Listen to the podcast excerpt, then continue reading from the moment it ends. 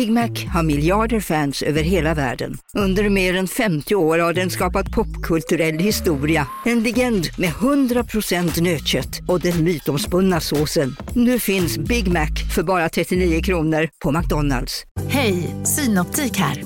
Livet med glasögon ska vara bekymmersfritt. Därför får du 30% på alla glasögon när du väljer Synoptik All Inclusive. All service ingår alltid. Välkommen till Synoptik. Hej, Susanne Axel här. När du gör som jag och listar dig på en av Krys vårdcentraler får du en fast läkarkontakt som kan din sjukdomshistoria. Du får träffa erfarna specialister, tillgång till lättakuten och så kan du chatta med vårdpersonalen. Så gör ditt viktigaste val idag, lista dig hos Kry. Men Karl, när tänker du att litteraturen blir problematiskt självupptagen?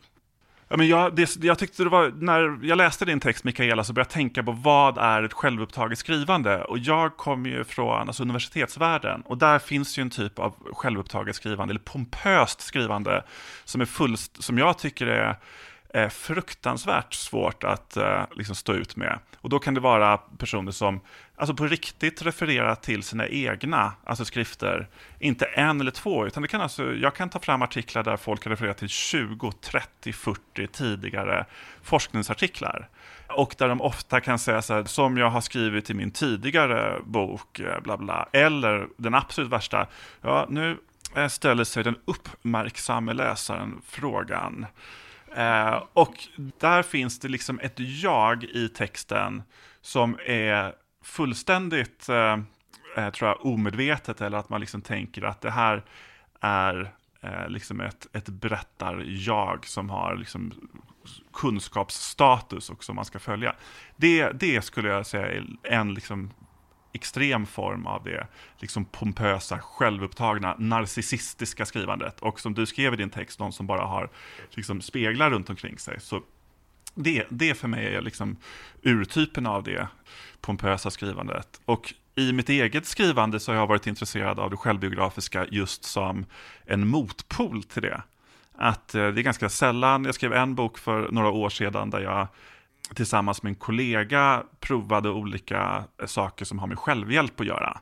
Och eh, då hade vi tidigare skrivit en bok som var av en mer liksom, eh, traditionell akademisk form, eh, som jag antar kanske gick under beteckningen politisk filosofi eller någonting, som heter wellness-syndromet. En ideologikritik, den var ganska torr får man väl kanske säga. Eh, men då fick vi kritik, varför har vi inte liksom provat de här sakerna själva? Det var inte kritik vi fick från andra akademiker, utan eh, det var kritik som man kunde få liksom, när man föreläste om den eller träffade folk som jag tyckte var intressant. Och då provade vi det och då var vi inspirerade av en ehm, eh, numera sedan lång tid tillbaka död amerikansk eh, journalist och eh, författare som, eh, gud vad heter han nu, som eh, har test, som bland annat då skulle utmana Eh, en boxnings eh, alltså tungviktsmästare i boxning. Och eh, det blir, eh, och det blir fruktansvärt roligt. Han kallar det för eh, participative journalism.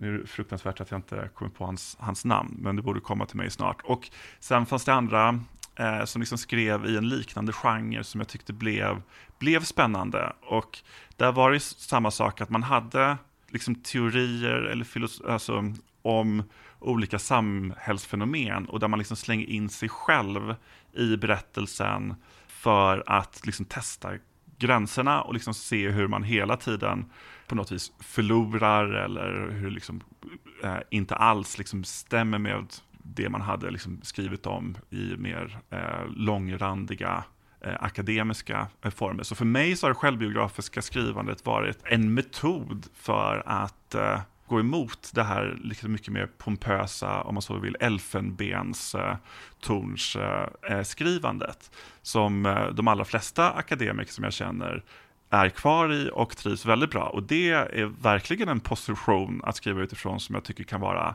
eh, extremt liksom självupptagen. Mm. Jag kommer att tänka på när du pratar så kommer jag att tänka på att jag har hört talas om en eh, psykiater inte på mitt jobb eller verksam i Göteborg, som eh, kan också bara vara en skröna, men eh, han tröttnar på att sitta och bara skriva ut massa mediciner till patienterna eh, stark psykofarmaka som han inte hade provat själv. Eh, så då bestämde han sig för att prova alla mediciner han skrev ut. Eh, och eh, fick eh, en psykos efter ett tag. Men ja, det är bara stickspår. Du, du tänkte att det, var min, att det var min akademiska bana som fångades där? Ja. Nej, men jag funderar Karl, för att du kom ju ut med en bok i våras, Guldmunken, som också blev väldigt uppmärksammad och du var intervjuad i eh, DN och GP och Svenska Dagbladet och säkert på fler ställen. Och jag funderar på om du kunde säga något om, om hur det känns att ändå ha skrivit en bok där man ändå, eh, eller där du berättar ganska privata saker och så får den så mycket uppmärksamhet. För jag tror att jag själv hade tyckt att det var så obehagligt. Men just därför så skulle jag ju inte heller skriva en sån bok, så att det... Nej.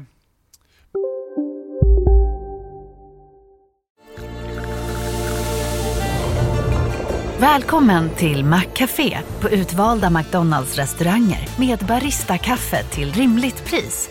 Vad sägs om en latte eller cappuccino för bara 35 kronor? Alltid gjorda av våra utbildade baristor. Hej Sverige! Apoteket finns här för dig och alla du tycker om. Nu hittar du extra bra pris på massor av produkter hos oss. Allt för att du ska må bra. Välkommen till oss på Apoteket. Okej hörni, gänget! Vad är vårt motto? Allt är inte som du tror. Nej, allt är inte alltid som du tror. Nu täcker vårt nät 99,3 procent av Sveriges befolkning baserat på röstteckning och folkbokföringsadress. Ta reda på mer på 3.se eller i din 3-butik. Men det är ju när man skriver någonting så är det ju svårt att veta exakt där och då vad som kommer hända när boken liksom kommer ut. Mm. Och eh, jag eh, hade inte, alltså om jag hade vetat att det skulle bli som det blev, så hade jag nog, eller så hade jag inte velat ge ut boken. Mm. Men jag har, jag har skrivit och gett ut böcker tidigare och eh, även där man har liksom gjort, eller skriver om saker som kan vara, som kan vara privata eller eh, skamfyllda, men där det har gått bra. Och eh, där jag känner att man har liksom varit tolkad välvillig. Mm.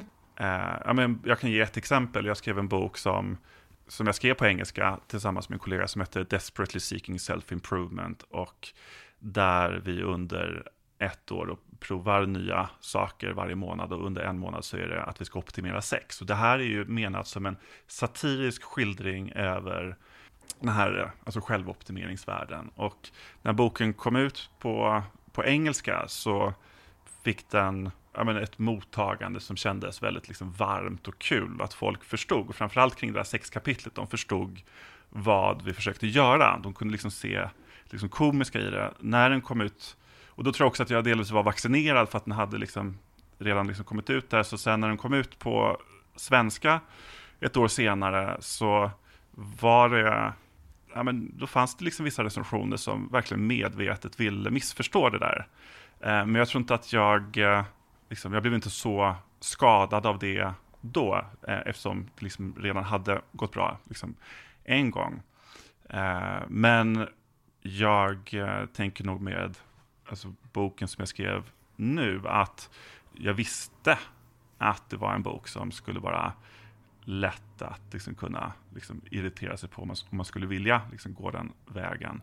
Och eh, det är ju att exponera sig och att ta en risk. Och eh, det är ju någonting jag liksom också känner till väl av att ha läst de här eh, memoarerna som jag precis nämnde. Eh, där liksom en person som Rachel Cusk och andra har liksom verkligen blivit uthängda och hatade och där folk har känt att de har haft en rätt att eh, verkligen eh, göra ner henne, förlöjliga henne när hon har gjort någonting som, som jag tycker är väldigt liksom, modigt och eh, att verkligen stå med liksom, skitiga kläder. Och eh, när hon skriver en bok, precis som jag tror alla andra författare som, som skriver en bok, så tänker man ju inte att det ska gå liksom så, eller så, så tänker man inte att det är det som ska hända, även om liksom, den, den risken finns.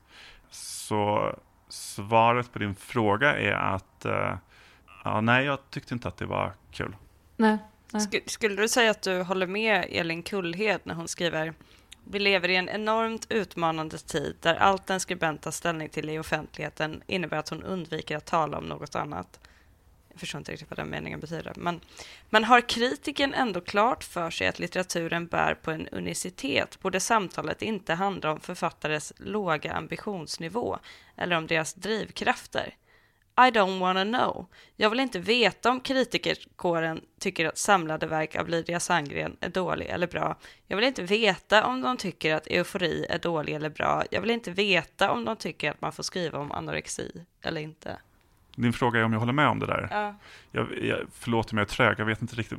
Kan, kan du jag förstår inte heller exakt vad som avses. Du, du frågar mig om jag håller med om en passage som, som, jag själv inte begriper. som du själv inte begriper. Uh. Nej men alltså jag tänker att det hon säger här mot slutet är ändå att kritikerkåren ska hålla sina omdömen om böcker för sig själva. nej, men, nej. Att man inte ska ta plats i offentligheten som kritiker med åsikter om litteraturen är bra eller dålig. Det är en väldigt radikal ståndpunkt får man säga. Mm. Nej, men jag tänker att det är lite grann, alltså det här är ju en extre, extrem version av det du precis uttryckte. Att inte värna om författares sårbarhet när man skriver om sårbara saker.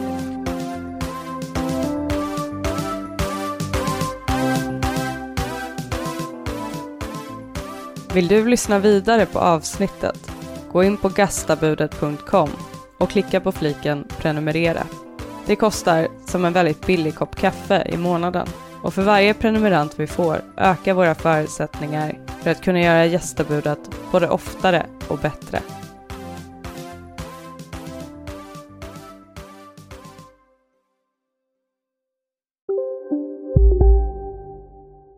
Välkommen till Maccafé på utvalda McDonalds restauranger med Baristakaffe till rimligt pris. Vad sägs om en latte eller cappuccino för bara 35 kronor? Alltid gjorda av våra utbildade baristor. Som medlem hos Circle K är livet längs vägen extra bra. Just nu får du som ansluter dig 50 öre rabatt per liter på de tre första tankningarna och halva priset på en valfri biltvätt. Och ju mer du tankar, desto bättre rabatter får du. Välkommen till Circle K. Ni är med om det största. Och det största är den minsta. Ni minns de första ögonblicken. Och den där blicken gör er starkare. Så starka att ni är ömtåliga. Men hittar trygghet i Sveriges populäraste barnförsäkring. Trygg Hansa. Trygghet för livet.